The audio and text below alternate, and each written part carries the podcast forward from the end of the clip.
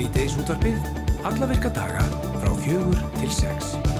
Og það eru Kristján Freyr Haldursson og Guðrún Dís Emilstóttir sem að stýra þetta dagsins. Meðal velun að hafa á Emmy sjóasverðlunum í Hollywood í vikunni var brellu fyrirtækið Stormborn Studios sem var hlaut velun fyrir framúrskarandi teknibrellur í sjóarpi. Það hlaut stofan fyrir þættina Five Days at Memorial sem síndir er á Apple TV Plus og eitt liðsmanna teimisins þar er Íslendingurinn Sigurjón Fridrik Garðarsson.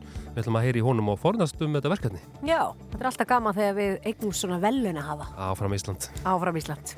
Og við ætlum að ræða frístundastyrk barna og ungmenna í þættinum og eftir. En Bjarnei Lárastóttir Bjarnadóttir, sveitarstofnafulltrú í Borgabygð, skrifaði pistil sem að byrtist á vísi í dag með yfirskriftinni þegar að jöfnunatæki snýst upp í andkverfu sína um frísnundastyrk sveitafélaga og þar talar Bjarnei um það mikla gæfuspor sem að stígið var þegar frísnundastyrku sveitafélaga var tekin upp á sínum tíma með það að markmið að auka þáttöku barna og ungmenna í skipulöðu tómstundastarfi. En í ljós hefur komið að stórluti barna nýtir ekki styrkin og telur Bjarnei að það og við ætlum að heyra í henni hérna eftir. Já, þetta er áhugavert. Sjónarhótt. Uh, mörgum brá í brún þeirra, fyrir helgi þegar Snorri Magnússon byrtið fæslu á fjöspókasíðu Ungbarnasunds Snorra að loka þurfti sundleginni sem að hýst hefur Ungbarnasundið í ára ræði til frambúðar. Fjöldi ungbarna byrði eftir að komast aftur í sund eftir jólafrí og fjöldi barna sé á byrðlista til að byrja á sundnámskeiði. Og að því verði ekki og ekkert plan B sé til, við ætlum að fá að snora til okkar og eftir og, og ræða við um þessa stöðu og spyrja hann út í ungbandasundið sem hann hefur nú starfætt í yfir 30 ár. Við heyrum að því að 5,5G tæknir sér í þessi rúms hér á landi og okkur leikur forveitna að vita meira um þá tækni til hvers þurfum við hana og munum við finna einhvern mun á henni og þeirri tækni sem við notum núna og hvernig stöndum við okkur í að þróa og, og bæta fjarskiptakerfin samanbúru við önnu lönd og á mannamáli skipta þessi G einhverju máli? Já. Allt svo 3G, 4G eða 5G fyrir bara almenna notendur, mm -hmm. það er ekkert allir með þá tæru hvað þetta þýðir allt saman Ólafur Magnússon, frækvæmdarsjóri tækni og nýskubransins Nóa ætlar að koma til okkar og eftir og við ætlum að spyrja hann út í þetta allt saman. Mm. Í upphafi nýs árseri mitt gaman að geta treysta á ímsa ljúfa vorbóða. Að fylgjast með stórmóti í handbólta er auðvitað vel þegið og, og mörg okkar býða spennt eftir, já, uh, handbóltanum en svo fyrir líka að bresta á með henni árlegu og stórskemmtilegu keppni Gettu betur, spurningakeppni framhaldsskóluna. Fyrsta umferð hefst einmitt í kvöld og við ætlum að taka púlsinn á Kristni Ólað Haraldsinni sem er nýr spyrillkeppninar og mörg okkar þekkja sem króla og einum af dómurum og spurningahöfundum Helgu Margreti Höskuldsdóttir. Við hugum eftir fæslu á samfélagsmiðlum uh, frá Kristýru Tómasdóttur fjölskyldu meðferðarfræðingi og rítuhöndi þar sem hún gaggrindi harlega frambóð á veitingum á skíðasvæðum Norðan heiða og hér síðra sem og verðlagningu og henni var afar heitt í hamsi. Og við ætlum að byrja að þáttinn á þessu uh, Kondur Sæl og Blessuð, Kristín. Hæ Já, þú setur þarna fram uh, fæslu á fjersbókinniðinni þar sem að þú ert að taka dæmi um verðlag uh, í skíðaskálum þar sem er verið að selja veitikar og, uh, og þér var eiginlega bara nóg bóðið. Já, það er stóri málinn sko. En þú veist, ég fer alveg svolítið á skíðasvæði landsins sko og mér finnst þetta bara alltaf að vera svona og ég skila alveg þar sem að sjópunar reknar í einhverju sjálfbóðavinnu og til styrtar, þú veist, skíðafélagunum og allt bara gott að blessa. En í hlýðafjalli og bláfjallum þá mætti alveg vera ölliti meiri metnaður og nú er þetta bara að fara að blása meiri snjó í hérna fjöllin í bláfjöllum og, og hérna, það er snjóframlýsla í hlýðafjalli líka, þú veist, þetta er ekkit bara opið einhverja þrjá daga á ári og, og það er fullt af fjölskyldum sem að vilja nýta skíðasvæðin og við, til dæmis bara fjölskylda mín, notum bæði skíðasvæðin á Akureyri og í Reykjavík og bara reynum að fara á sem flest skíðasvæði og þetta er bara svo enginandi allstar og þetta er svo leiðilegt að það sé ekki bara hérna, einhver smá metnaður aðna. Mm, þannig að þú vilt þá meina að það hafi verið hægt að afsaka já, hátt verðlag og mögulega já, metnaðalösan matseðil fyrir einhverjum árum þegar það voru bara nokkri dagur ári sem við gáttum farið á skýði en núna sé þetta orðið starf sem sem sé opinn nánast allan veturinn og því eigi að gera betur. Já, maður myndi kannski vilja að sjá einhverja þróunafna, ég minna, þú veist, skíðasæðum erlendist, þá er bara þetta að fá sér mozzarella og, og parmesan og, hérna, og bara eitthvað næs í fjallinu, skilur og þú veist, þó ég sé ekki að byggja bara alveg um það að þá er maður kannski að, að hérna, óskæftur einhver smá svona meiri metnaði. Og það er líka sko dæminn sem ég var að taka þarna, þetta er ekkit eitthvað þú veist, við erum bara að tala um að einn samloka með skingosti kostar 1100 í liðafjalli. Mm. á meðan að sko tvö heimilisbrauð í krónunni kostar 550 nei, eitt heimilisbrauð í krónunni kostar 550 þannig að fyrir tvö heil heimilisbrauð getur við fengið eina samlóku fyrir andverið tvekja heimilisbröða getur við fengið eina samlóku í liðafjalli þetta er bara eitthvað gali, þetta meikar engan sens. Og, og það er bara eins og, þú veist, það sé verið að reyna að fara pína okkur til að taka með okkur næsti í staðan fyrir að leifa okkur að hérna, halda eitthvað haldkerfinu hérna fyrir norðan gangandi og, og fá, fá okkur eitthvað næst millir þess að við erum að skýða. En Kristín, er þetta kannski svolítið viðlóðandi þegar kemur á svona, já, ég ætla ekki að fara að kenna íþróttunum um, um allt hérna, en, en þegar maður kannski fólk fer á, á fókbóltaleiki eða slíkt og þá er kannski bara eitthvað svona kaldar pitsusneðar sem er í bóði það því þú minnist hérna á líðhelsu sjónamiðin í þessu saman. Að, að þó að fólk sé kannski já, kannski akkurat það að, að fólk sé að stunda íþróttir og, og kannski hugi að kannski frekara mataræði og betra heldur þetta. Já, maður myndir nú kannski halda það að fólk sem nennir að fara með fjölskyldundar sínar út að reyfa sig í kulda og, og trekki að það væri kannski svolítið með þetta um hvaða lætur ofan í sig mm. og þarna á, á matsælunum eru bara fyrir kleinusingir og, og grillsamlugur og franskar og hérna En, en þú veist, það er alveg hægt með mjög einföldum hægt að gera þetta örlíti metnaða fylgra. Þannig að það er örlíti meira kósi að koma og þá myndur kannski örlíti fleiri mæta og þú veist, ég held að þetta vinna allt svona saman. Þetta er ekki eitthvað sem að ætti að vera eitthvað hrikalega flókið, sko. Nei, en þetta líka sýnir það bara Kristín að það lítur að vera bara alltaf dýrt fyrir fjölskyldu og það hafa kannski ekki allir tök á því að fara með börnin á skýði og ef að þetta er verðlægið að það stoppa upp í fjalli heilan dag og, og ekki tekið með nesti. Já, og þú veist, kannski þetta líka bara eitthvað svona litla málið í þessu öllu en ég var alltaf mis bara kommentan að visa fæslu mín í gær um hérna bara hvað kostar að taka rútuna upp í Bláfjall. Það kostar sko 3800 krónur og hérna 3600 og það bara borga aðra leið mm. og það er kannski líka það sem að bara ef við viljum að börnin okkar nýti sér skíðasvæði þegar það er opið og, og hérna að við viljum ekki að séu bara allir að keira þarna upp yfir á engabílum og bara og svo framvegs að þá þarf eitthvað aðeins að skoða þetta því þetta er ekki hagstætt fyrir fjölskyldur eða, eða ungmenni og þá mun það sjálfsögur endanum verða þannig að það er bara þeir sem eru ríkir sem geta, eða, eða eru vel efnaðir að hafa, hafa efna á því að taka strætó hérna fyrir 3800 krónur og kaupa sér svo, samlokku í fjallinu á 1100 krónur sem geta farið í bláfjöld. Já, við... Það er leðilegt. Já, akkurat. Eh, þetta er alveg, eh, eh, hérna, þetta er góðu punktur kannski að því að við tölum hér í, í sítiðs útarbyrjur ásatönuna fyrir jólinn einhvern tíma við starfsfólk í bláfjöldum og þau voru einmitt að tala um þetta að að það var mikið um bílamerð hérna þegar mest let á á gestum millir háttíða eða fyrir háttíðar og þar var einmitt verið að tala um þessa samgöngu sko, þetta þurfti kannski að bæta úr og, og hafa tíðari ferðir mm. með strætó eða rútum og, og fólk geti haft betar aðgengi að samgöngum þarna uppbyttir. En, en þú nefnir einmitt sko brauðið og, og samlokurnar, eh, þetta verðlag auðvitað, þú komst inn á það í, í þinni fæslum og nefndir nokkuð dæmi. Mm. Erum við, eh, erum við svolítið neyð til þess að, að hækka alla vörur upp úr öllu valdi þó að við kannski þurfum þess ekki? Já sko, þú veist, ég, ég skil það alveg en, en þetta er kannski komið, þetta er orðið svolítið, þetta, mm. þetta er komið út svolítið bull sko þegar Bláfjöld hækka samlokuna upp í hérna 700 en, en hlýðafjall upp í 1100, það er ekkert eitthvað samræm í þessu og það er eins og þetta mikið engan senn sko mm.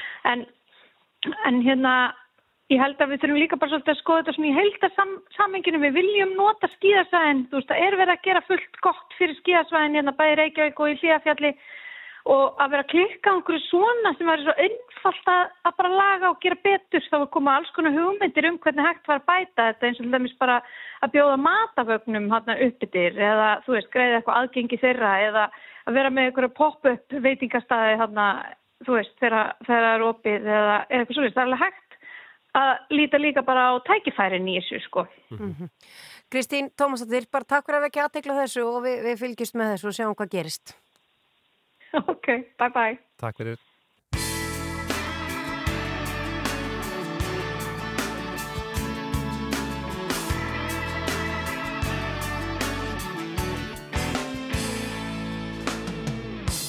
Ljós í myrkri, langt og mjótt Markar upp að við hjá þér Allt í einu ertu komin Inn í heiminn lítill dofin Dregur andan Hið fyrsta sinn.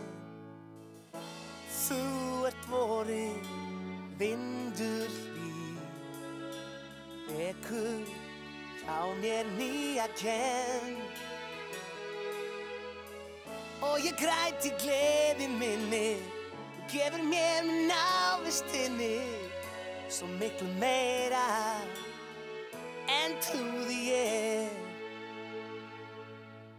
Líf, ljómið þinn er skínandi skær Líf, auguð þinn svo saklaus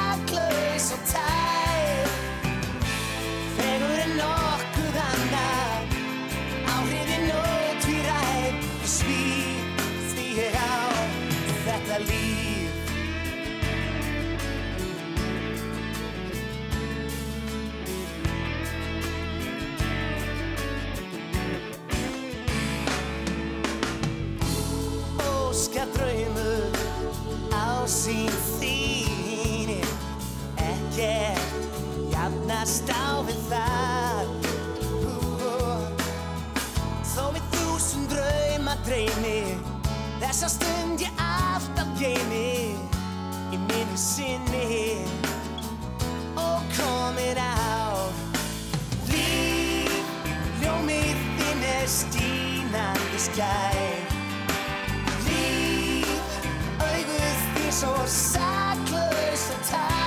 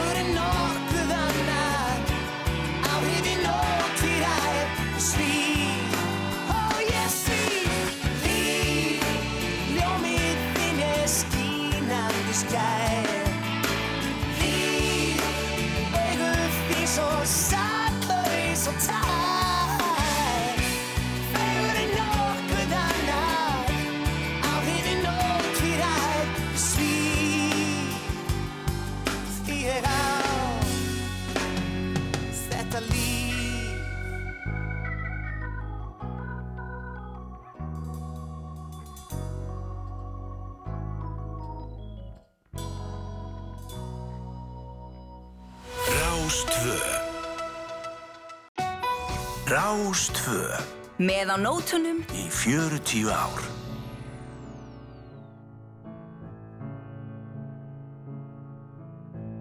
Almost heaven, West Virginia, Blue Ridge Mountains, Shenandoah River. Life is old there, older than the trees, younger than the mountains, growing like a breeze. Country roads take me home to the place I belong, West Virginia, Mountain Mama, take me home, country roads, all my memories gather round her. Miner's lady, stranger to blue water, dark and dusty, painted on the sky. Misty taste of moonshine, teardrop in my eye. Country roads, take me home to the place I belong. Virginia, Mountain Mama, take me home. Country roads. I hear her voice in the morning as she calls me. Radio reminds me of a home far away. Driving down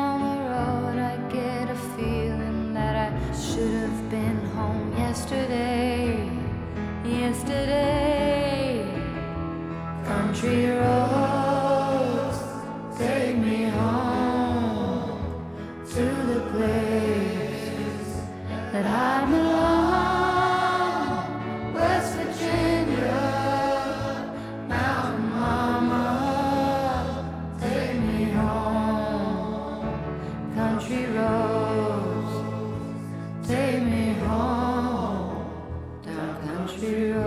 Ljúi tónar, Lana Del Rey og Take Me Home Country Roads.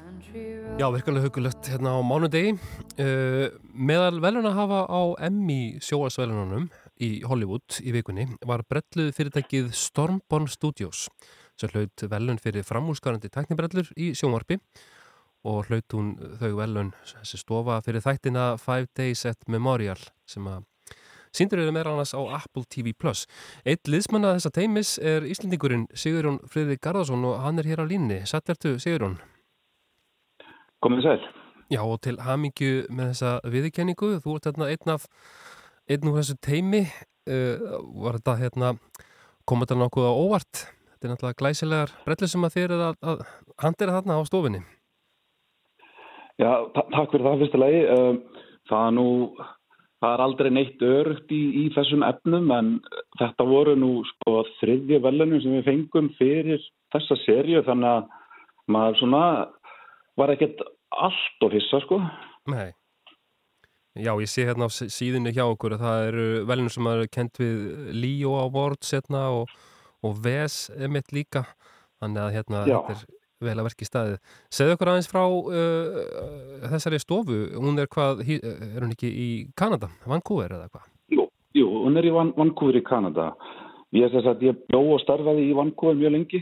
Mhm. Svona í, í, í kringum 2009 til 2014-15 eitthvað svo leiðis.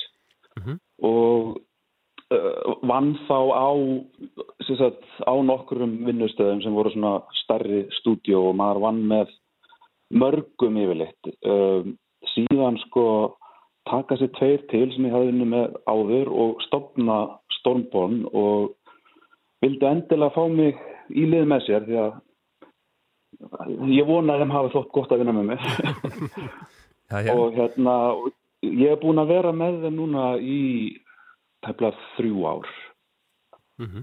en, en, en vinn sem sagt hérna uh, bara frá Íslandi sko. Já, akkurat. Og, og kannski mikið á svolítið að fólk eh, vinni alltaf aðrað þar að segja, eða hvað? Eða þú kannski bara einn um það? Já, það, já, nei, nei, það er alltaf meira og meira um þetta. Þetta var eiginlega svona ekki mikið af þessu. Fólk var alltaf hrætt um að, að það myndi eitthvað svona leka á neti eða eitthvað svoleiðis en svo kom COVID og þá allt í einu, ekkert mála að vinna að heimann. Mm Þannig að það, það opnaði bara stóra dyr þannig séu sko. En getur þú sagt okkur uh, kannski einhvað um það hvað þú gerir sjálfur í þessu öllu saman?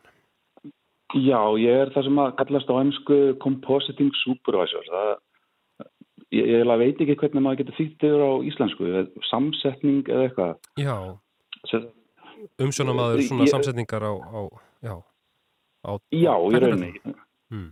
Já, einmitt. Þannig að það er svona það sem að þið sjáuð hvort sem það er á skjánum eða í bíó og það er sem sagt, það er loka útkoman sem að við gerum. Við tökum sem sagt uh, alla tölvugrafík og það sem er tekið upp og við setjum þetta saman og, og reynum að láta þetta líti út eins og þetta hafi allt verið tekið upp á sama tíma með sem við myndavel. Já, Mm.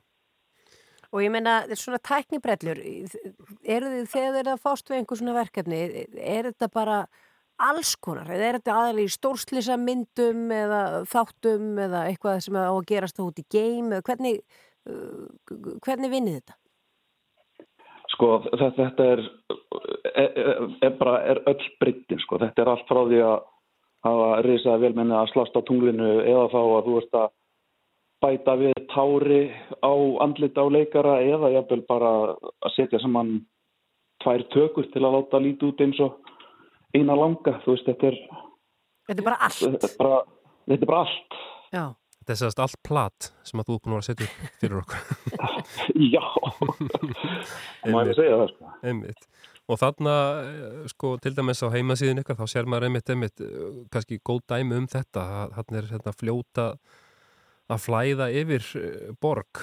Kemur þú nálega þessu? Er þetta úr kannski þessum Já, þáttum eða eitthvað? Þe- Þetta er einmitt úr þessum þáttum. Þetta er þess að Days at, Mo at Memorial fjalla þess að um fimm daga á Memorial spítalanum, fimm dagana eftir að uh, fettibilurinn Katrína fer hérna við New York Orleans.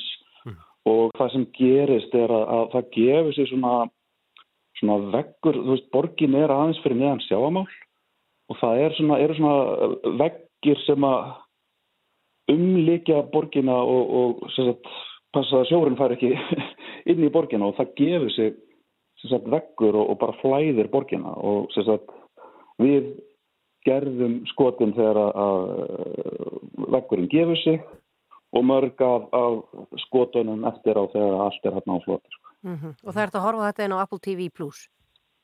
Einmitt. Já, en bara eh, hvað gerir það fyrir fyrirtæki eins og ykkur eins og þú sagðir, það voru þarna einhverju sem vildu gera sitt eigið, fengu þig með í, í, í lið með sér og svo núna eru þau búin að vinna til nokkur að vellauna, þetta lítur að vera ægileg liftistöng. Já, þetta er náttúrulega vo- voða gaman að fá þessa viðkynninga því að við svona lítum á okkur sem litla mannin. Við erum mjög lítið stúdjó ef að þú berða saman við mörg af, af, af stúdjónu sem að voru til dæmis tilnæmt í, í, í, til emmiðveleguna. Þannig að, að þetta er, þú veist, já, þetta er bara algjör lyftustöng fyrir okkur og, og vonandi þá gerður okkur greiðar aðgang af, af uh, starri verkefnum svona í framtíð. Mhm. Og hvað er, eru fleiri verkefni sem að þú hefur komið að sem að er, eru okkur aðgengileg? Já, það eru það var bíómynd sem að koma á Netflix bara nú í desember sem heitir Leave the World Behind með Julia Roberts sem við komum að Eh, það eru japanski þættir sem að komi líka á Netflix í desember sem að heita Yu Yu Hakusho Eh, ég veit ekki hvort ég sé að þetta var rétt fram en, en þetta er skrifað þannig. Og, og, og, og bara, já, margt, margt fleira. Og margt framöndan kannski? Já, við erum núna að vinna að uh, einu stóru verkefni sem að má bara ekki tala um eins og er en ég get kannski Það er enginn að hlusta sko. spjalla ykkur sitna þegar, að- þegar, að- þegar það má sko. Já, það er leindin í þessum bransa. Akkurat. Það er alltaf þannig. Einmitt. Uh, Sigurjón, uh, gaman að heyri í þér og, og enn og aftur til hamingju með, með velunin, emmi-velunin fyrir, fyrir uh, framhúsgarandi taknibrellur í, í þáttunum Five Days at Memorial og þú vinnur þarna þína vinnu bara frá hver að gera þið, ekki, ekki satt? Jú, jú, ég er bara með skristu hérna heima og, og sitja hérna og klappa höndunum og, og reyna að skemma og heilækja hluti. Dásanlegt og, akkurat og, og búið til einhverja hamfærir fyrir okkur að horfa á í sjónvarpi. Já. Kæra þakki fyrir spjallið Sigurjón og, og til hamingju. Takk, takk. Síðdeis útvarpið. Á Rástfö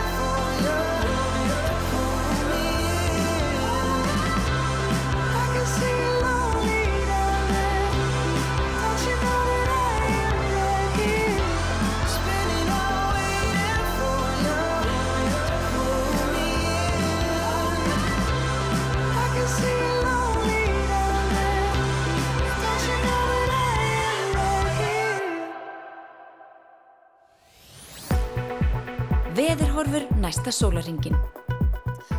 Já, áður en við komum að veðrinu þá langar við bara að segja að við vorum að hlusta á lægið Satellite með Harry Styles sem er nú einn af okkar minnstalestu tónlistamönnum samtímaðans en Guðrún, veðrið það búið svolítið kvast í dag hérna Sonnarlands, er kannski víða uh, Allt landið, sko, horfum þetta sólarhingin eru þannig að sunnan og, og suðaustan 10 til 18 metrar á sekundu. Það er svolítið kvast eins og, sem var að segja, kvassast vestan til. Súld eða rykning með köplum en lengst að þurft á norður og austurlandi, hitti 2-12 stig. Svo kemur þetta aðtósend veðurfræðings eh, staðbundnir kvassir sunnan vindstrengir á vesturhluta landsins, til dæmis á norðanverðu Snæfellsnesi og getur verið varasamt aukutækjum sem að taka á sig mikinn vind. Já, það er búið að vera leiðilegt. Það hefur verið kvast en það er að taka upp svellið all svakalega núna maður. En uh, heldur betur hættilegt meðan svell er en þá. Já, já. Og vindur og svell, þetta er ekki, ekki Fer ekki vel saman. Nei, Fer alls ekki vel saman. alls ekki. En talandi um það, við ætlum að ringja upp í Borgarnes eh, eftir uh, smá stund. Við Mhm. ætlum að ræða frístundastyrki barna og ungmenna. En ef ekki að heyra fyrst í Johnny Cash? Jú.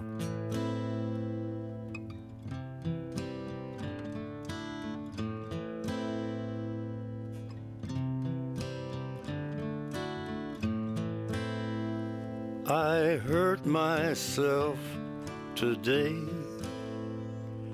to see if I still feel. I focus on the pain, the only thing that's real. The needle tears a hole the old familiar sting. Try to kill it all away. but I remember everything. What have I become? My sweetest friend. Everyone I know goes away. In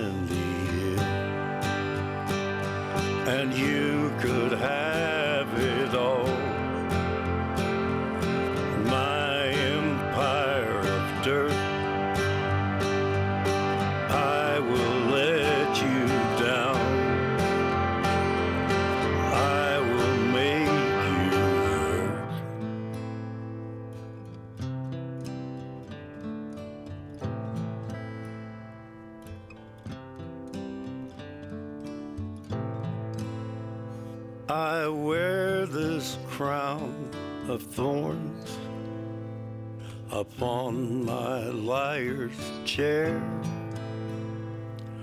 full of broken thoughts I cannot repair. Beneath the stains of time, the feelings disappear. You are someone else. I am still right here. What have I become? My sweetest friend. Everyone I know goes away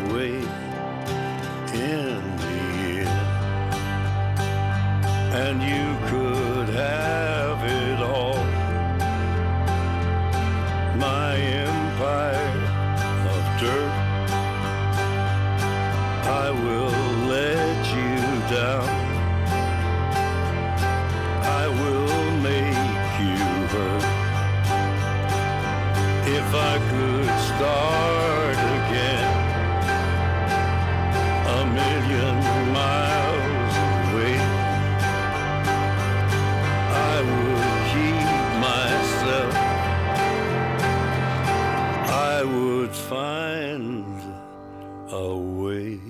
Johnny Cash og Hurt Já, þannig að fluttan lag uh, Trent Reznor úr Nine Inch Nails sem kom út veginn 1994 held ég. Í sinni útgáfu. Þetta er vel gert hjá hann Virkilega vel gert. Já, Hmm. huggulegt svona mándi Já, algjörlega. En við ætlum að ræða frístundastyrk barna og ungmenna næstu mínúturnar uh, en Bjarnei Láru dóttir Bjarnadóttir Sveitastundaföldrú í Borgabæði skrifaði pistil sem að byrtist á vísi í dag með yfirskriftinni þegar að jöfnunartæki snýst upp í andhverfu sína um frístundastyrk sveitafélaga og þar tala Bjarni um það mikla gæfuspor sem var stíið þegar að frístundastyrkur sveitafélaga var tekin upp á sinu tíma með það að markmið að auka þáttöku barna og ungmenna í skipilöðu tómstundasarfi. En í ljós hefur komið að stór hluti barna nýtir ekki styrkin og telur Bjarni að gera þau breytingar á, á reglum um útlutun.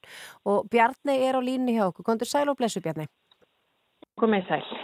Ég, þú, uh, já, eins og þú uh, segir í greininni þá finnst þér að það þurfi svona kannski aðeins að skoða það hvernig þessum frístundastyrkur er útlutaður. Hvernig er þetta núna? Eh, Þetta er mjög misjæft að milli sveitafélaga. Eh, Sveitafélaga með algjörlega í sjálfvald sett hvort þau veiti frístundastyrki yfir höfuð og þá hvernig reglugjörðin er í kringu þá. Og þannig að það er einhvern veginn allur gangar á því hvernig reglugjörðin er en það virðist vera mjög algengt að þau séu með tímakvaðir. Sagt að námskeið þurfa að vera 8 til 10 vikur minnsta til að, að hægt sé að nýta frístundastyrkin eh, á þeim námskeiðum. Hmm. Og þetta finnst þér vera, uh, já, verða mögulega til þess að ekki öll börn geti nýtt styrkin? Já, klálega. Það er, uh, það segir sér sjálft að það er ekki öll börn sem finnast í þessum tómstundum sem að eru þetta lengi og fyrir mörg börn er þetta bara alltaf langur tími. Þú veist, þú getur annars sagt bara, já, þú þarfst að vera í þrjú ár. Þú veist, þetta er bara, verður bara yfirþyrmandi og hérna, og ekki öll börn finnast í þessum tómstundum sem að, einmitt, þessi kannski fyrirtæki bjóðu upp á eða samtök, félög Mm -hmm. uh, sem eru svona langan tíma. Þannig að með alla flóruna sem er í bóði uh, og mismunandi áhugamál batna að þá gætu mætt svo miklu fleiri börnum með því að vera ekki með þessa tíma hvað er á. Já, þú talar um það í greininni að uh, hjá einhverju sveitafélögum þá gildir þessi styrkur alveg niður til fimm ára batna en eins og í smarri sveitafélögum þá er kannski ekkert svo margt í bóði fyrir börn sem að hafa er ekki þegar byrjuð í grunnskóla.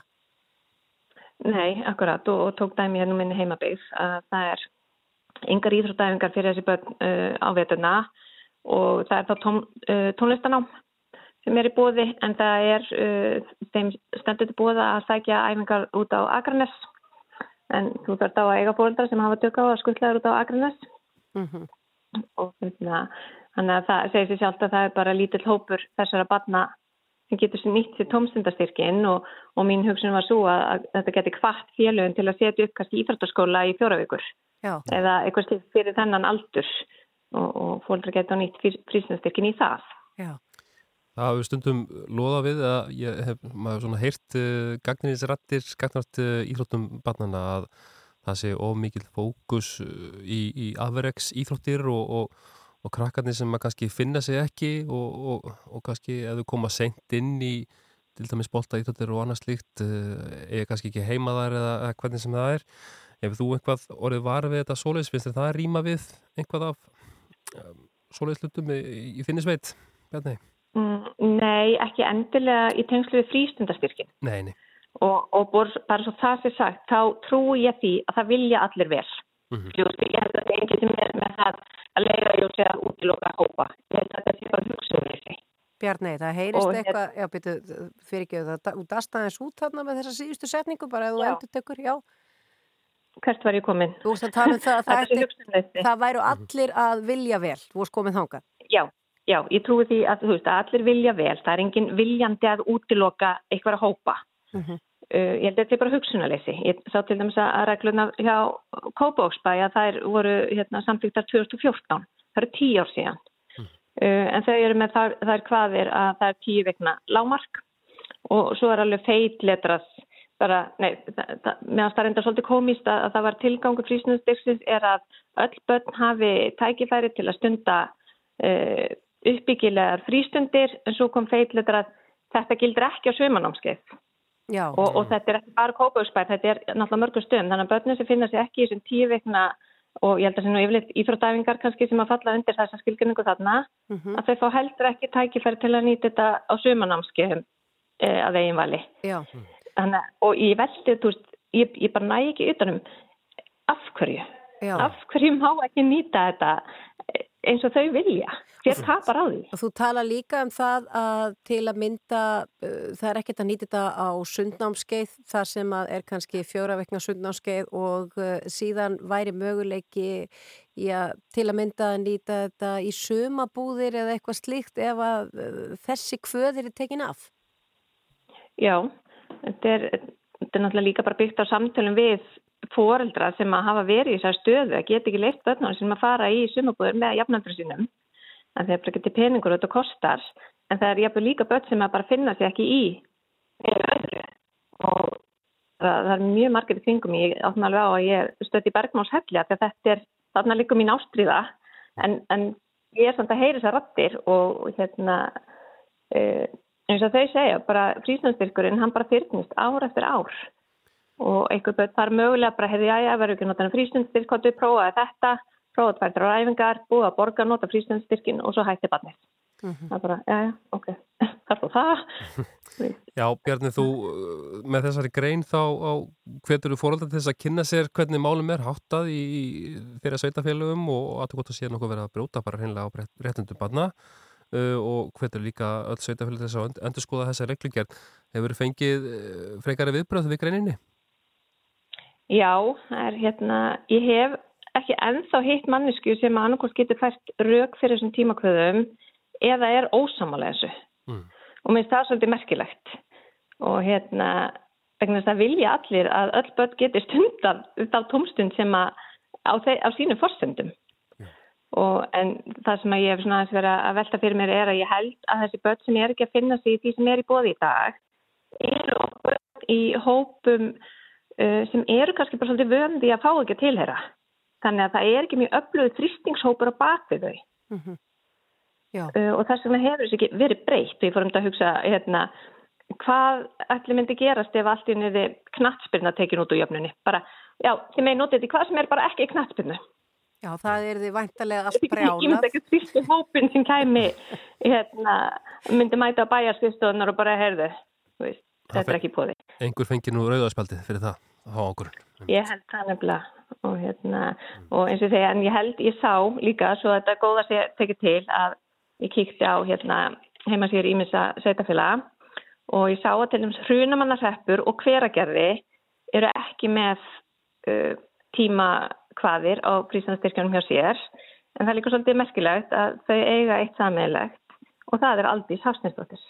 Nú er ég ekki sjálfstæðismannskja en minnst þetta frábært hjáni vegna þess að, að það er augljóst að, að ef að það er vilji að þá er vegur. Já, þannig að börn eh, á þessum tveimur stöðum gætu skellt sér á til að mynda þryggja daga námskeið í Dungeons and Dragons eða einhverju öðru heldur en eh, að fara að sparka í töðru heila önn. Já, akkurat og, og svo er að því að nú líka starfa sem íþróttaþjálfari að uh, þá hef ég fengið þessi börn sem að voru skráð og æfingagjöldin greitt og þeim langa ekkert að vera hana. Og ég get alveg sagt það að það er engum greiði gerð með því. Þau eru að klára afplánun og það er bara einhvern hausverkur fyrir alla. Það er bara, hérna, langar ekkert að vera hérna, mamma er bara búin að borga æfingagjöldin. Engum greiði eða- einmitt. Nei, þannig að í stæðan fyrir að þau fengi þá að, bara að vera einhverju tómstund sem að þau hafa raunverulega gaman af, sko. Mm Uh, Bjarni, takk fyrir að vera á línu hjá okkur uh, og bara halda áfram með þinni baróttu og við fáum að frétta á því ef einhverju breytinga verða á þessu. Já, takk fyrir og takk fyrir að bara að vekja aðtikli á þessu. Þannig að mér finnst þetta að skipta máli. Takk fyrir spjallið. Takk, já. Les.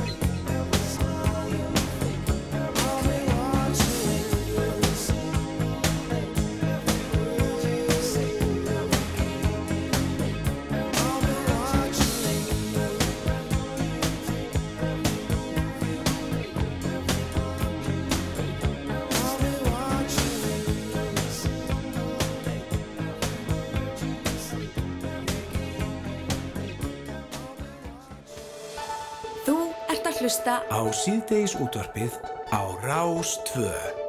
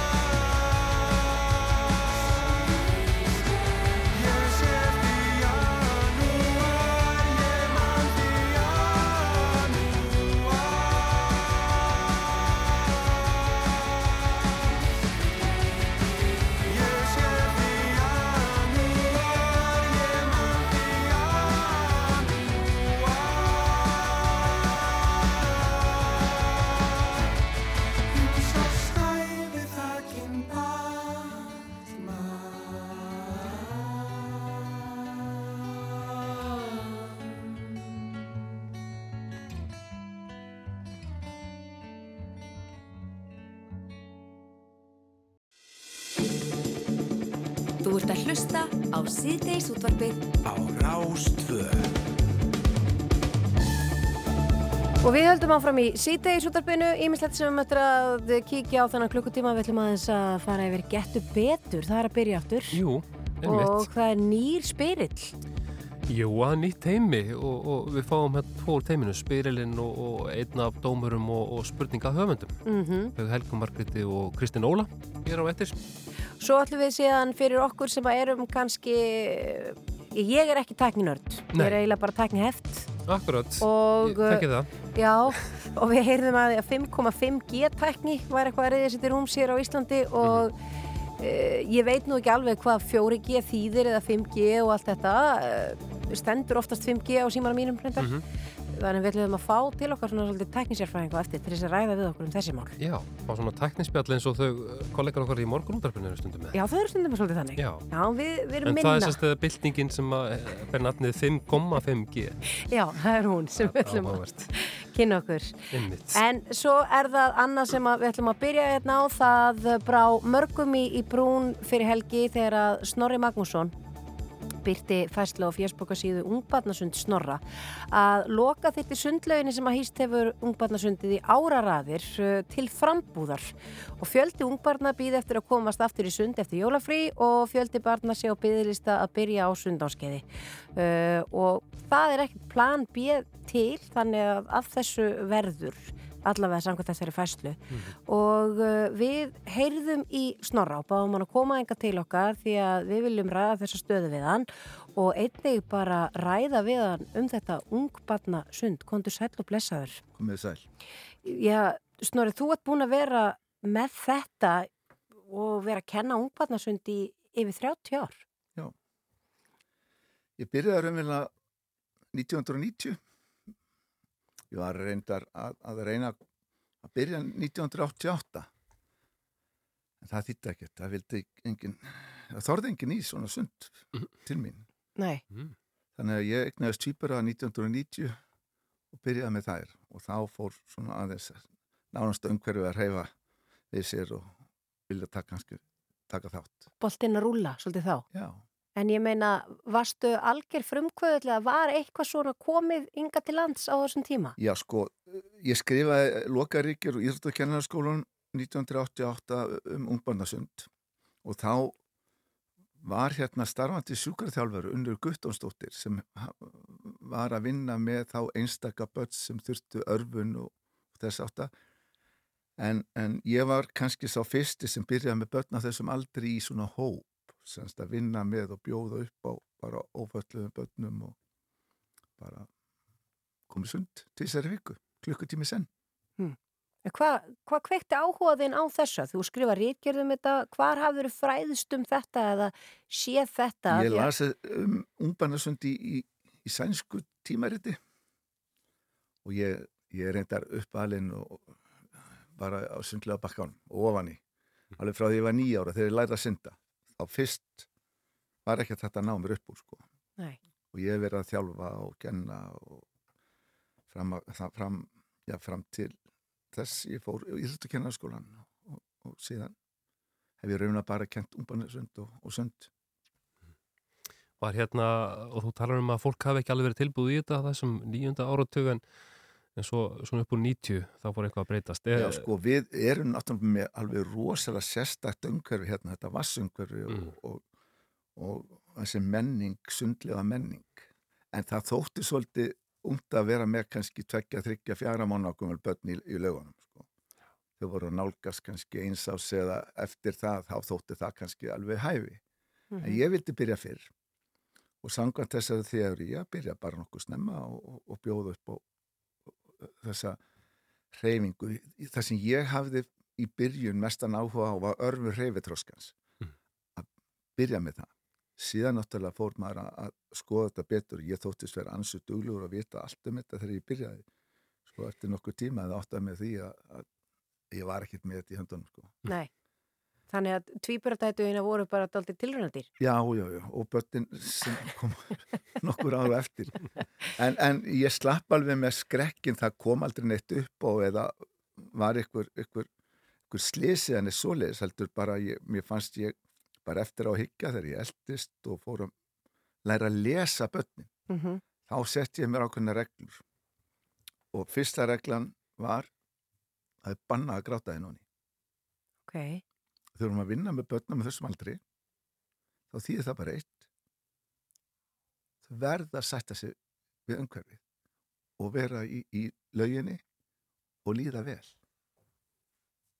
Og hvernig færðu unga bann til þess að gera það. Auðvitað fylgir öllum börnum grátur. Já. en ef barn greta þegar það var svangt eða þreytt, Mhm. þá mátt, vildi ég ekki kannski fá rauðan mínus, en ef það er vegna þess að annarkot ég að fóldurum voru að misbjóða börnunum, þá sagði ég bara stopp og henga ekki lengra, bara stopp. Mhm. Bara a- við öll hérna og ný. Bara. Já. Hvað er það?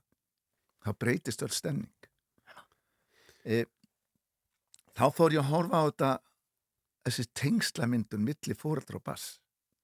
Það var ekki svo mikið vita um þetta á þessum tíma. En grunnur af tengslamyndun er fyrst og fremst snerting, aukkontakt og nota röddina. Og snertingin húð við húð, hún þykir best. Og ef illa tekst til með þessa, þessa tengslamyndum, þá sitja börn eftir í sambandi við félagsleg samskipti sittna á lífsliðinni. Já. Uh, síðan kom reyfiþróskin, styrkurinn, uh, nota söng og hljóðfall og síðan og ekki síst átti að vera gaman. Já. Áttu, og ekki bara hjá börnunum, heldur fóreldrun líka. Já, þetta verður bara stund sem að allir hlakka til að fara... Já, og út um allan heima er þetta uh, kannski það sem þetta stunda, þá er þetta vilt bara einu sinni í viku, hálftími senn. Já. Og þegar ég fór að ferðast og halda fyrirlestara ellendis og svona, þá vildi ég alltaf fá að kíkja á. Þá var þetta bara fara ofan í. Börnin voru bara svona lágu aftur og play dead. Stjórn. það var ekkert um að vera. Já. Sungin tveir söngvar og síðan búið. En svo hafðu allir þetta markmið. Örfa reyfið þroskan og, og tengsla myndun og annað. En mér fannst það svona börnin í mínu sundi fengu fjóru sinni meiri þjálf sem er tvisari viku klukkutími senn Ég fór hérna, fóruð þið ekki að breyðast út talsvist bara eftir að þú ótsetta frungur sko, starf var það bara á Þa, tíu það, það voru einstaklingar sem að, að hérna, hafðu uh, tekið kursi í, í, hérna, í, í Noregi. En, og, og kunnu ungbarnsund hafðu unni með það í, í, í Noregi í ykkur tíma og fengið praktik og annað. En þeir byrjuðu mjög fljótlega eftir mér.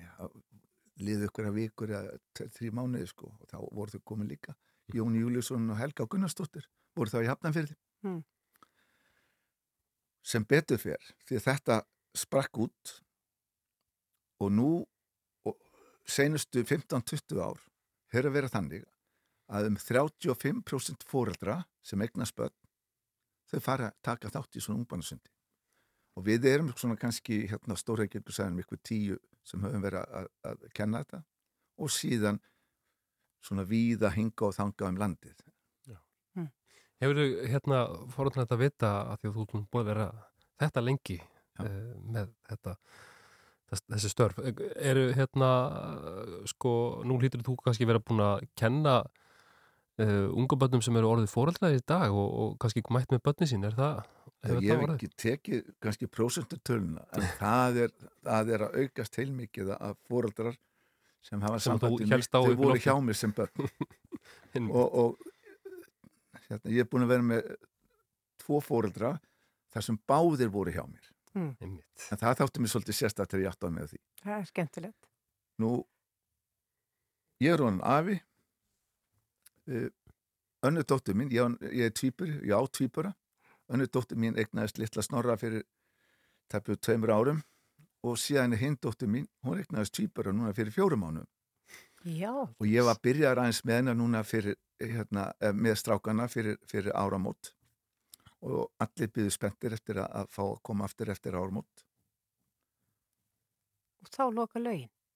það bara lokaðist allt Já. og ég er með 100 börn svona 110 börn alltaf í gangi og allir voru tilbúin til að koma núna eftir áramótin Mhm. og byrja aftur ég átti þetta reyndar að setja ég er með 200 manns á bygglista sem eru bara já, Mhm. og ég- það er yfirlt svona aðkomanir cirka þrýr mánuðir Já. þannig að það er það sem ég sitt svolítið uppi með að, að, að hérna, mér finnst ég vera fara rosalega illa með fólk. Það bara get ekki staðið við þetta. En, Nei, hva, já, en bara, hver er staðan snorri þá núna? Því þú veist það þarf að loka þessari laug. Uh, hún er lokuð bara, það er Já. ekkert vatn í henni. Er Og. Ástæðan er náttúrulega svo að, að það komu uh, matsfyrirtæki, þetta var eigindaskipti á, á svæðinu þarna. E, menta og, og, og, og barnamálar á þeirra yfir tók svæðið og stopnaði sér ákveður sér egna félag fyrir þetta til þess að vinna með börnum þarna í framtíðinni. Þannig komu gott umhverfi og möguleiki á uppbyggingu í kringum það. Mhm. Og í þessum egnaskiptum þá var, voru húsin metin þarna og ég hafði séð niðurstöður úr þessu mati og þær voru ekki góðar, það voru mikið rauðar.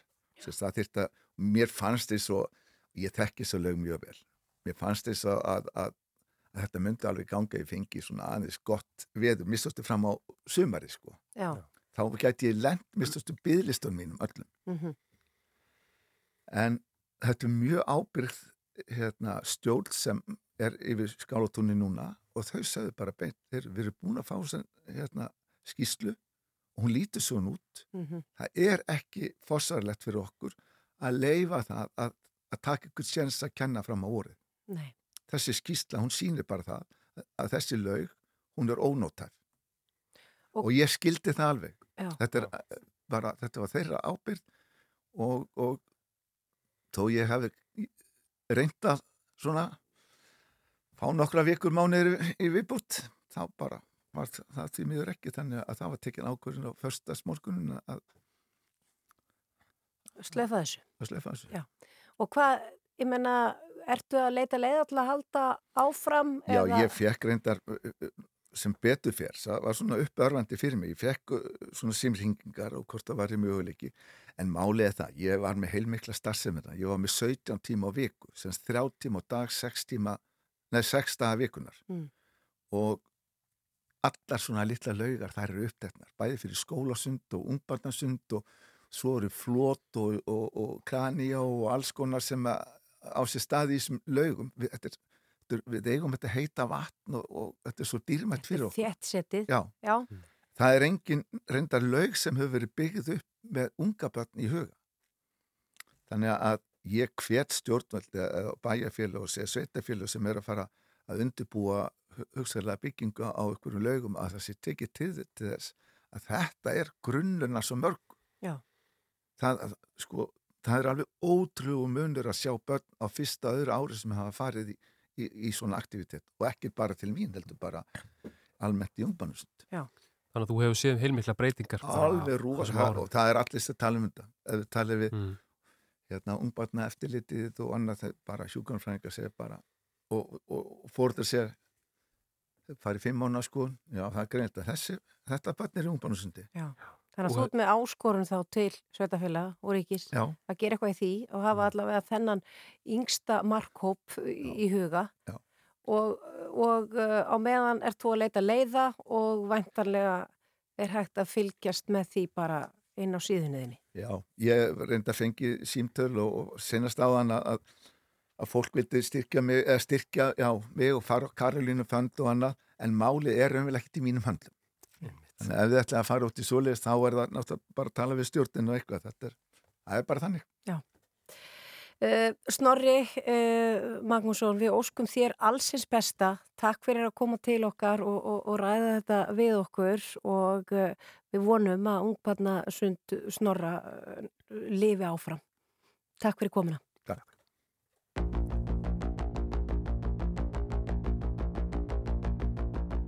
If you see me walking down the street, staring at the sky and dragging my two feet, you just pass me by.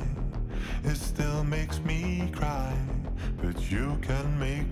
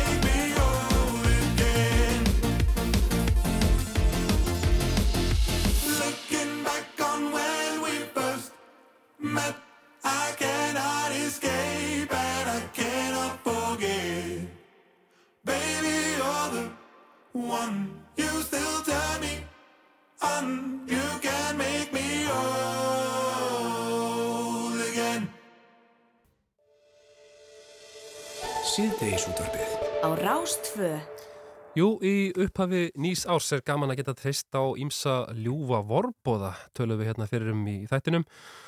Til dæmis að fylgjast með stórmóti í handbólta sem er nú eitthvað sem við þekkjum hérna í janúar glugganum og mörg okkar býða spennt eftir en svo var líka brest á með henni árlegu og stór skemmtilegu getur betur spurningakettni framhaldsskólana. Fyrsta umferð hefst einmitt í kvöld og við erum hérna komið með Kristinn Óla Haraldsson sem er nýr spyrillkettninar mörg okkar kannski þekkjar undir nafninu Króli og sömulegis eh, Helga Margrét Höskustóttir sem er einn dómar og spurningahöfunda og við þekkjum betur kannski sem Helgu Margréti Helgu Margréti, já, já, já, já. Það kom eitthvað góðan brandar á Já, einmitt. komið sæl og verið velkomin Takk hérlega fyrir. Þetta er kannski verkefni fyrir okkur eh, þannig veturinn geti að finna, finna svona listamannsnafn á mig. Já, já, það verður hérna, við munum leita hátt og látt eftir einhverju góðu. Helgu Margréti þekkja margir hlustendur og, og áhraundur á, á Rúf hérna, varst með, Jú, jú. með á nótunum hérna, til dæmis spurningaþætti á fyrra árinu og, og íþróttum og öðru slíkum Ímislegt, maður brallar ímislegt. Já, en hvað er komið skjált í ykkur fyrir fyrsta getur betur uh, umferðina í kvöld? Það er alltaf bara svona spenna að sjá hvernig skólandi mæta til leiks. Þetta er svona, við hérna, erum bæði annálaðir aðdáðandur þessar keppni Ég held að sé, einmitt, og fyrir um keppendur og, og svo framvegs. já, miss, miss sjóaðir keppindur þó, en hérna, eh, ég held að það sé bara, einmitt, bara spenningur, sko, Já. fyrst og fremst. Þetta er, all- það er bara alltaf gaman að sjá hvernig það, þró- þú veist, hvernig það þróast milli ára, þú veist, hvað, hverju koma aftur og hvað er nýlið og Við hefum líka bara eftir að finna okkar dýnamík, hvað, bara hvernig við verðum, ég held Já. að það, það sé svona líka, nýtt heimi og, og Mhm. svo framvegis sko. þannig að það er bara, já, spenningu fyrir mörgu við náttúrulega bara erum að fara í loftið að rúbunduris eftir, þú veist, 40 mínútur þannig að Einmitt. 37 mínútur. 37 mínútur þannig að þetta er bara, já, spenna Þetta spjallir svona cirka 40 minnur Já, flott, þetta er bara hlöpun niður. hver, hver er, eru aðrir í teiminu með ykkur? Já, Silli og Villi. Silli og Villi Silli og Villi. Skafti og Skafti og, eða svona, já Já. Annar, annar er fyrir aftan tjöldin og hinn er, Já. mun sitja með þér. Já, Viljámur Berg eh, Mann Bragas- Bergmann Bragason.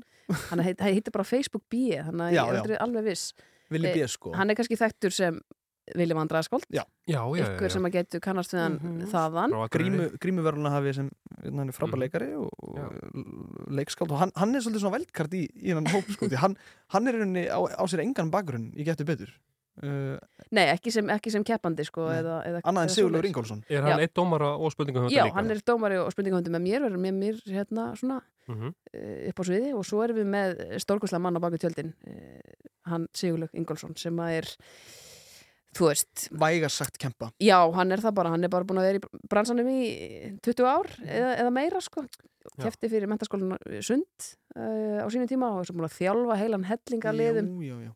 og er núna mættur í, í dómara og spurningahöfundasæti líka Ég held að, ég held að kristallit svolítið vel í því að Stefan Pálsson hérna, uh, deldi frétt á Facebook þar sem að vera að tilkynna að ég, ég semst var að vera að taka við sem spyrill og hann sagði að honum þætti það alls ekki það merkilegast að ég þessu öllu heldur það að, að fremsti getur byttið þjálfari hérna, fyrir og síðar væri orðin spurningahöfundur sem væri, var Sigurlaugur Ingólfsson Já. Það er spennandi Þetta er mjög spennandi. Einmitt. En hvað, ég menna, eins og þið segi, þið eigi eftir að finna ykkar takt. Þetta er mjög mikilvægt bæntarlega að þessi keppni sé alltaf svipuð, þannig að það kannski verði ekki miklar áherslubreitinga þó að þessi komið ný Mhm. áhöfn, en Mhm. samt áferðar munur.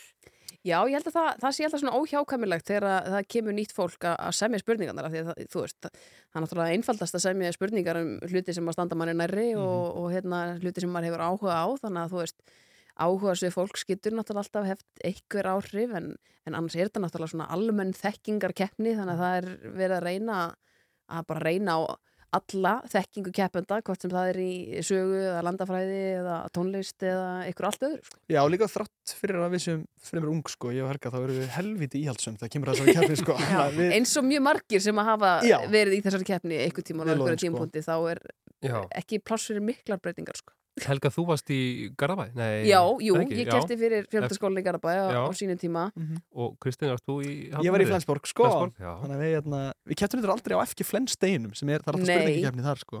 Nei, ég, ég kefti á fyrsta þannig deginu sem var haldin minn mig Já, emmi. uh, En þú varst held ég ekki í liðinu Nei, þá, þá var ég ekki mættur í skólan sko. Nei með, hversu margir skólar taka þátt núna? Heyrðu 29 25 Einmitt. 25, Já. sorry, þetta var slangt gíska mér. Akkurat, en það eru svo tólf viðrögnir í þessari fyrstu umferð. Já. uh, og mentaskólinn í Reykjavík sem er rí, ríkjandi handhafi hljóðanemanns forlóta, þau sitja hjá. Einmitt. og uh, það fara þess að tólf sigurvegarar áfram Mhm. eðli málsins samkvæmt og svo tvö stigaðistu tabliðin sem leiðis, fáið það ekki 16 þrjú stigaðistu tabliðin Nei, 12 pluss 2 eru 12 pluss 2 eru eru 14 og, og við erum með já, MR þannig að það 15 já, að það sagt þrjú stigaðistu tabliðin hér er alltaf hreinu Já, það er ekki það er ekki ágjörð því. kemur allt með kaldaðatinu og þá þau sagt, fara áfram í næstu umferð sem er 16. úrslitin eh, 17. og 19. þar býður mentaskólinn Reykjavík með. þar verður mentaskólan Reykjavík meðal keppta En þið sögðu rúf.is, er það, af því þetta hefur oft verið hér á Rás 2? Já, rúf.is, þessi fyrsta umferð eins og er búið að tíðkast núna síðustu ár og svo Aha. færum við okkur yfir á Rás 2 fyrir þess að 16. aðra umferð fyrir 16. úrslitin, aðra umferð í, í útvarpi Já. og síðan verður öllu sjónvarpað frá 8 úrslitum og við erum á 50 dögum núna Já, er það er líka skemmtilegt breyting Já. Gott sjónvarskvöld. Já, geð Ljómandi gott og, og Sögulegt sjónvarskvöld Já, Út í það að fara jú, jú, menna, jú, jú. En ég er ekki viss um að keppendurni muni eftir sjónvarslösa fimmtugum. Sennilega Nei. ekki Nei. Þegar ég kannski held að- heyrt um það svona frá fóreldrunum Já, og já. er Mögulega, mögulega getur betur keppendur kannski Já. að le lesa sér eitthvað til sér eitthvað til, akkurat Þannig að fyrsta umferð fer fram núna í dag, sem sagt, Mhm. og morgun og hinn eða hvað, Já. 8. 9. og 10. janúar Þetta eru bara, í bytni á, á rúf.is og, og svo færist önnur umferð í, í á Rás 2. já, 17. 17. og 19. og þetta er, við byrjum í dag, það var klukkan 6, uh, já, klukkan 18, 18.40 19.20 og 20 og Já. uh, hérna kannski Fjórar viðröðin í fjórar viðrögnir, fjölbættaskóli við Ármúla og fjölbættaskólin í Breiðholti þau eru alltaf ríða á vaðið. Svo erum við fjölbættaskóla Suðurland sem að fór í úrslit í fyrra, þau mæta borgarhaldsskóla e, svo erum við fjölbættaskóla Suður Nesja, ekki ruggla þessum tegum saman. E, Nei. og þau mæta fjölbættaskólanum e, á Akranesi, fjölbættaskóla Vesturlands á Akranesi. Vesturlands og Akranesi. Og svo fáum við landsbyðaslag, mentaskólan á Ísafyrði á móti mentaskólanum á Egilstöð Vá. En eins og þið segja, það er gaman að sjá hvernig liðin og mikilvægt að hlusta kannski á þetta núna á rúf.is eða horfa eða, eða Mhm. hlusta, já, uh, til að sjá hvernig liðin koma til leiks því þá svona sér maður kannski hverjir munu vera daldið óvænt algjörlega sko. það, er alltaf, það var alltaf gaman að sjá hver, hver til. Varst þú í Kunnadís í ME? Nei, nei, nei, ég var í Nei, MA. Já, já, akkurat. Já, já, já, Ég já. nefnilega var sko Þú- að varst því þú í ME er MI? að mæta MI sko, það hefði verið gaman svona Já. Gunnadís Kristjáns Freys Já. slagurinn Já, sko. ég hefði náttúrulega þurft að fá okkur bara niður á torg þá til Já. að Já. Íst Taka þátt. meets vest. En ég held að, ég held að sama, sama þóttu þú er ekki verið í ME þá er þetta samt kallaður Gunni jú, jú, jú. Algjörlega, sögulegu slagur sko. Bullandi landsbyðaslagur hérna. Við erum alltaf til það En við erum bara að hleypa ykkur hérðan út, við Já. erum bara að undibúa þetta krakkar. Er er Kristinn er- Óli Haraldsson og Helga Hlærðu það því? Nei, Byrju fyrst er þetta eitthvað, finnst þið? hérna er komin ástæð fyrir því að kalla sig króla. Nei, þetta er bara, þetta er svo já. Þetta er svo finn, ég sko, það, ég, held að fólk sé haldna einhverjum svona komplex og því að fólk heldur ofta að sé að móðga mig með að kalla mig króla sem að alls það? ekki, já, það, ég fæ svo ofta eitthvað svona, má ég, má ég kalla þig, má ég kalla þig króla? Já, já, ég gera það bara, er ekki, bara, sjálfur. er ekki bara allt í bóði? Jú, 100%, ég, hérna, gengur undir mörgum nöfnum, sko, gangleri og ég veit ekki hvað og hvað. Kristinn Óli og Helga Margrét, kæra þakkir og gangið ykkur vel. Já, tói, takk tói með graði. Peturs.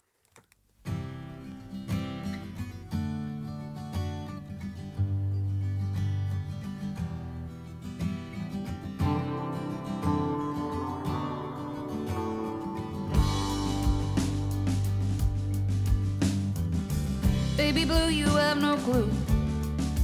My dreams are still about you. Building castles in the sand with flowers wrapped around you. Yeah, but I still remember you. Maybe I should stop loving you. Or that could ever ring true. Going down that sweet avenue, seeing some shadows of you. Yeah, but do you miss me too? Take me back to the morning light, where our love shone so bright. Where the story brings me back to you, where I can still hold you, where I could even make love to you. I still remember your crazy jacket, surrounded by polka dots too. Playing records, they were all dancing. Yeah, but they were all jealous of you. Yeah, but you were with me too. Take me back to the morning light. There our love shone so bright. The story brings me back to you. Where I can still hold you. Where I could even make love to you. But hold on, king and queens. All the stars will fall on you. An old school man still shining her shoes, cause they got work to do. Oh yeah, but so do you.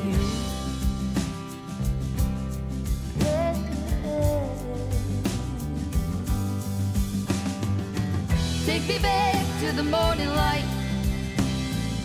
Where our love shone so bright Where the story brings me back to you Where I can still hold you Where I could even Look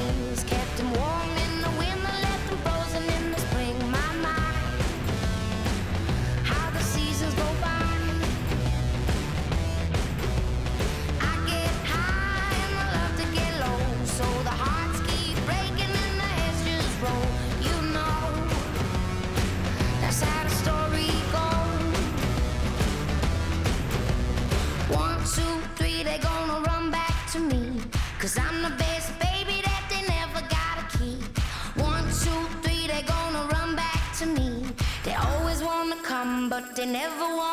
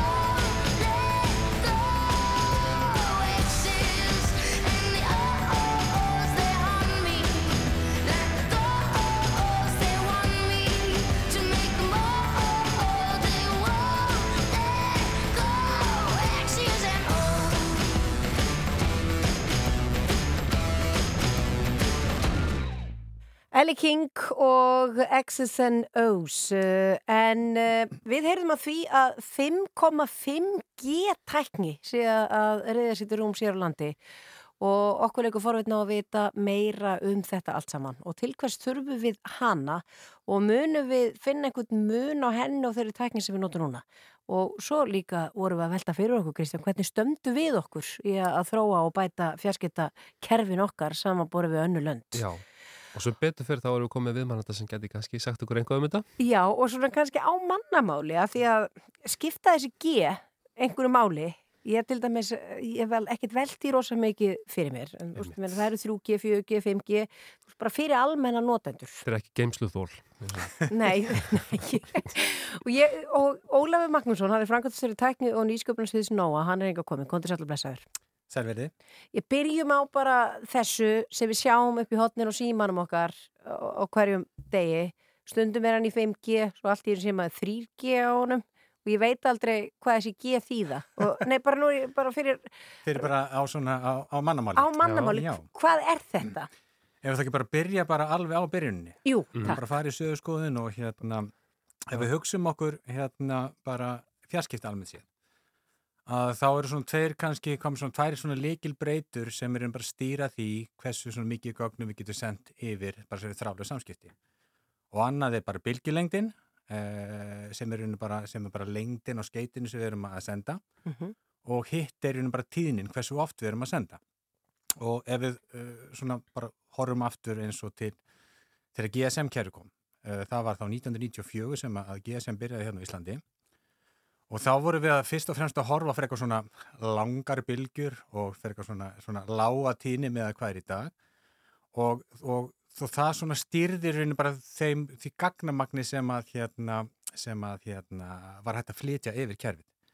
En eftir sem að tækninni flegi fram að þá er rauninni alltaf að setja meiri meiri upplýsingar í þessar bylgjur, í þessi skeiti og þannig það sem að þessi, þessi, þessi, þessi tækni fyrirtæki sem er að keira áfram þessa þróun, hérna, þróun á fjarskiptakerfunum er alltaf að takast að gera þessi, veist, þessar bylgjur stittur og stittri, koma meira og meiri upplýsingum inn í það og auka tíðnin, auka tíðnin á því sem við getum sendt frá því. Og má líka svolítið bara við hérna bara gamla brefpostin. Þessi ég er hérna að skrifa bref og ég get komið því frá A til B og með því að að koma meira og meira í hvert bref og geta sendt fleiri bref. Mhm. Og það má segja að, að það sé í rauninni þessi G sem við erum að tala um. Að 2G er þá GSM sem er þá í rauninni bara frekar svona löngskeiti og erum að senda til að fá svona með nú í dag.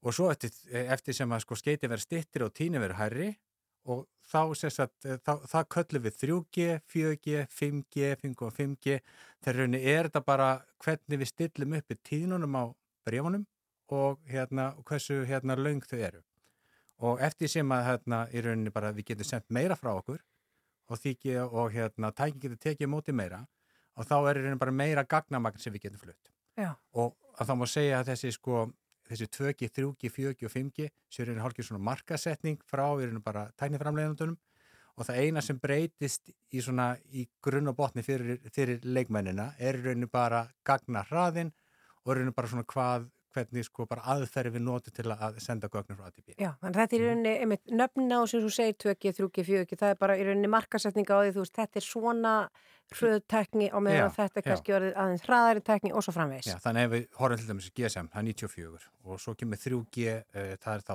2007 sem það með reyðið sér til rúms hérna á Íslandi og þá eru farin að horfa hærri tíðni og meiri gögg sem við getum flutt og þar alveg eru þá þjónustu sem að fara að reyðið sér til rúms kemur Facebook í síman og við fyrir að nota WhatsApp, fyrir að geta hort á YouTube og fleira. Og svo kemur 4G, það kemur hérna á Íslandi 2013 og ef þið hafið séð hérna í uh, hotninsundum á síman hjá okkur LTE Mm. og það kemur í, í sumun tækjum í staðan fyrir 4G stendur LTE og það var svona marketing brandið á 4G, það er Long Term Evolution, LTE Já. þetta var í rauninu bara það átti ekki að koma neitt annað. Þetta var bara langtíma þróunin hérna og öll þróun í fjarskiptum eftir að gerast.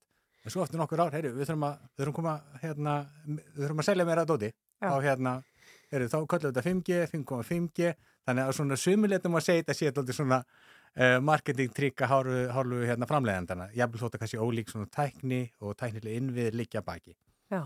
Hvernig þá með uh, 5G og svo þetta sem að var Já, í fjölumilum sámaðar bara núna í haust uh, spurningar er 5,5G næst á sjóndóttarhingdum uh, og það er sérst að vera rauninu um hver er þá munurinn á Já, ef við 5,5 segjum hérna, núna eru fjarskiptafélagin íslensku að hérna hafa verið núna að rúla út 5G síðustu árin og uh, byrja hérna 2020 sem var uh, live hjá bæði hérna hjá fjarskiptafélagum hérna á íslensku markaði og, uh, og þau hafa verið tiltölu samstiga í því og hérna og núna á þessu ári eru til dæmis hérna uh, eru við, verður við með um þriðjung við hérna hjá Nova um þriðjung okkar sendastöðum verður að líka senda út á, á, á 5G en það sem við erum sérst að hefum verið að prófa núna og við fengum tilrunarlegi frá fjarskiptastofu uh, til þess að prófa næstu tæknu undan sem að kallast í rauninu 5.5G sem er í rauninu þá bara ennþá hæri tíðinni og bara meira gagnamagt sem getur flutt yfir hérna þrálustu samskiptin og ef við svona setjum þetta í samhengi uh, 5G þá erum við sem sagt það er sendt út á um 3500 hérna, gigahertum sem eru bara 3500 skeiti á, hérna, á sekundu Ah. en nei, 3500 eh, 3500 hérna, 3,5 miljónir Já. En hérna en, en, en, hérna 5.5G er þá faktor 8 sinu það, það er sérst á 26 gigahertzum þannig að það eru við að senda út miklu sérst að meiri gagnamagt sem að hérna sem að sá, sem að svo tækni getur stuð Já, en þurfum við, þurfum við alltaf, að því þú varst að tala um þetta long term Já. sem hefði verið svona eitthvað Mhm. lang tíma dæmi, þannig að þetta var þetta 4G, Mhm. þurfum við alltaf að vera að þróa þetta og vera að fá þetta ennþá hraðar, hraðar, hraðar og getur þú sett okkur af hverju það er? Já, það er eins og, eins og núna vorum við að prófa þetta og, og niðurstaðan þar var í rauninni að við náðum þar fræðilegum hraða uh, við, við bestu mögulegu skiliri, þá vorum við náðum sem sagt 10 gigabita hraða í þrálusum samskiptum og þeir hafi séð núna eins og í hérna bara auðlýsingu fjarskiptafélag á markaðin og getur fengið 10 gig í ljóslegaran og hérna og við vorum svona að ná þeim hraða líka bara í, í, í, í, með þrálustu uh, hérna, uh, með þrálustu samskiptum og okkur er það mikilvægt. Ég segjum bara, uh, það er bæði að það eru ímsa þjónustur að riðja sérstur rúm sem þurfa meira gagnamagn og þá getur ekki alltaf verið með ljóslegar en dreginu eftir þér eða hérna rauninu bara ert að fara á milli staða og þú þarfst rauninu bara þrálusum samskiptum að, að, að, að, hérna, halda en líka við horfum til dæmis bara á hérna e, bara dreifbíli eins og, eins og svona smærri þjættbíli í dreifbíli það sem er tiltölulega dýrt að rauninu bara grafa ljóslegari í hvert einasta hús.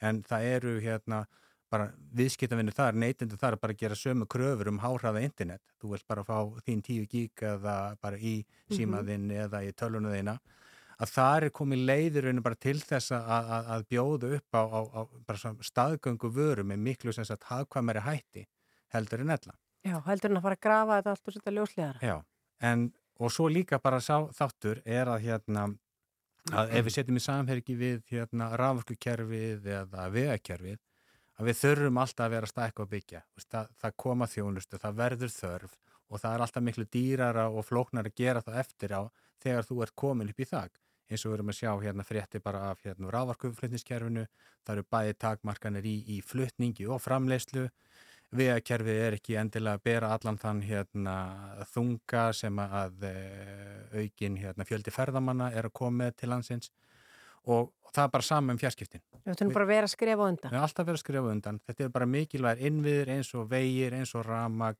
fjarskipti eru bara líka orðin þar hérna, mikilvægir tæknileg, mikilvægir innviður í, í nútíma þjóðfélagi að við þurfum að að vera hérna á til japs við, eins og þú spyrum upphafi, til nákvæmlega, við nákvæmlega löndin okkar og vera alltaf skrifan undan. Að því að við viljum helst ekki vera hérna, erðu TikTok-nótundur hérna á Östurlandi það verður skerðing núna í janúar til februar því það er bara lítið, svo, lítið gagnamagn í kerfinu, það er svo, það er svo lítið þrúput Allt brjála á Östurlandi En með þess að öru þessa teknithróun sem að er svo öru og þá hérna sjáum við fyrir okkur þá að, að það verður bara aldrei, það er aldrei komið nóg. Þannig að við þurfum, sjáum fram á 10 og 20 G og hvað sem þetta heitir allt saman Já, það verður aldrei nóg. Nei, það er bara þannig og, Það verðum að færa þetta allt í símana og og þetta er líka bara þannig að sko, við verðum að, við verðum að vera undan þróun. Og þegar mm. innviðnir eru komnir þá verður líka bara tækifæri til. Og þetta er líka bara mikilvægt upp á bara samkjöfnisæfi þjóðarinnar. Að, hérna, að við þurfum að vera samkjöfnisæfi og, og hérna og ég segi ekki endilega fjarskiptafélun alltaf að finna bestu mögulegu þjónustundar þegar mm. undirlagi komið að þú hefur hérna tækifæri til að segjum bara eins og hérna að vera í háhraða gagnarsamskiptum bara hvað sem ert á landinu það opnar líka bara tækifæri hvar þú átt ekki að vera hérna háðu því að vera á höfuborgarsvæðinu eða, eða hérna einhverju sérstökur lokasjóni sko. mm -hmm. Ok, en þið eru að prófa það verður að prófa þessa tekni hér Já.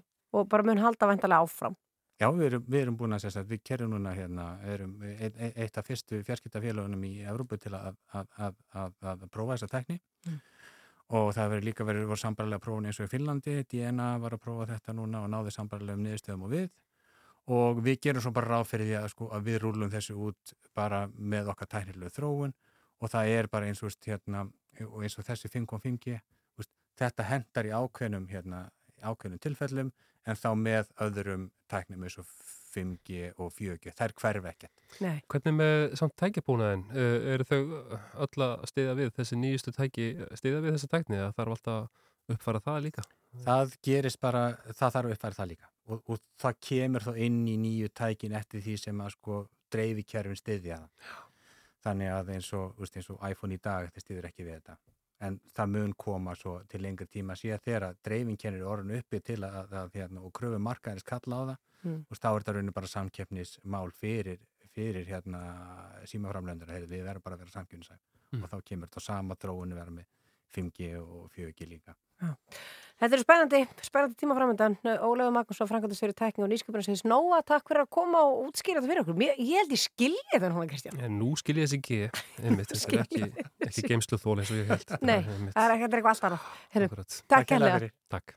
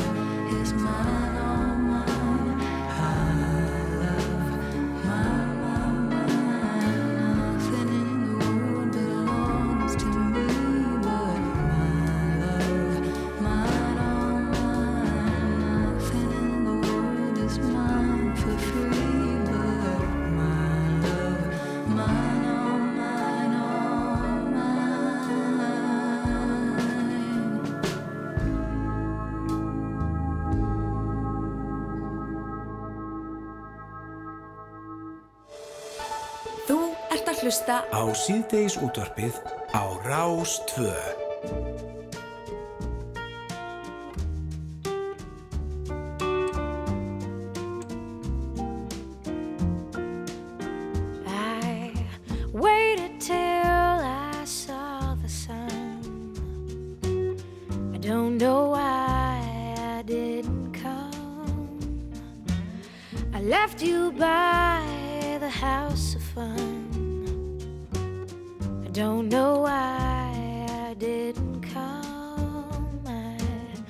Don't know why I didn't come. When I saw the break of day, I wish that I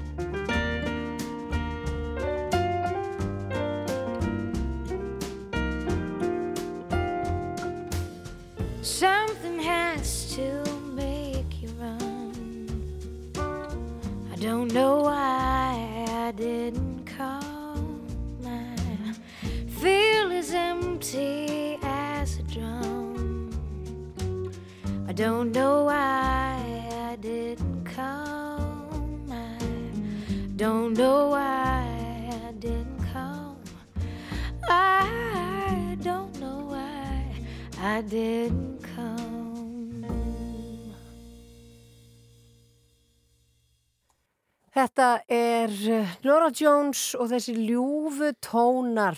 Já, ofsalega fínt er þetta ekki vinkonana laufið þar. Nora Jones, eitthvað, kannastu nafnið? Já, pældu í því að vera bara komin á þann stað að þú búin að gera lag með Nora Jones. Já, já, akkurat. Bara svona, já, ég, við hittist bara við Nora og fórum aðeins yfir þetta og Mhm. ákvæðum svo bara aðeins að syngja saman. Þetta er bara veruleikin. Bráðum við Nora Jones bara að segja bara já, ég þekki laufi.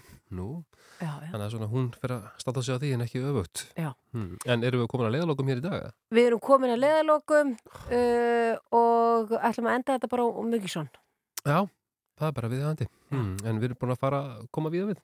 eins og Það er vera ber. hárrétt hjá Kristján minn. Um 5G-tækni og. Og 5,5. 5,5. Það er ekkert okkur óviðkomandi. Nei, heldur betur ekki og við heyrjumst þá bara hérna aftur á morgun. Ég er nú hrættur um það. Takk fyrir að hlusta. Það er ekkert mál að hætta. Það vita allir sem hafa reynt. En auðveldast er að falla. Bara smá, bara smá óbeint Það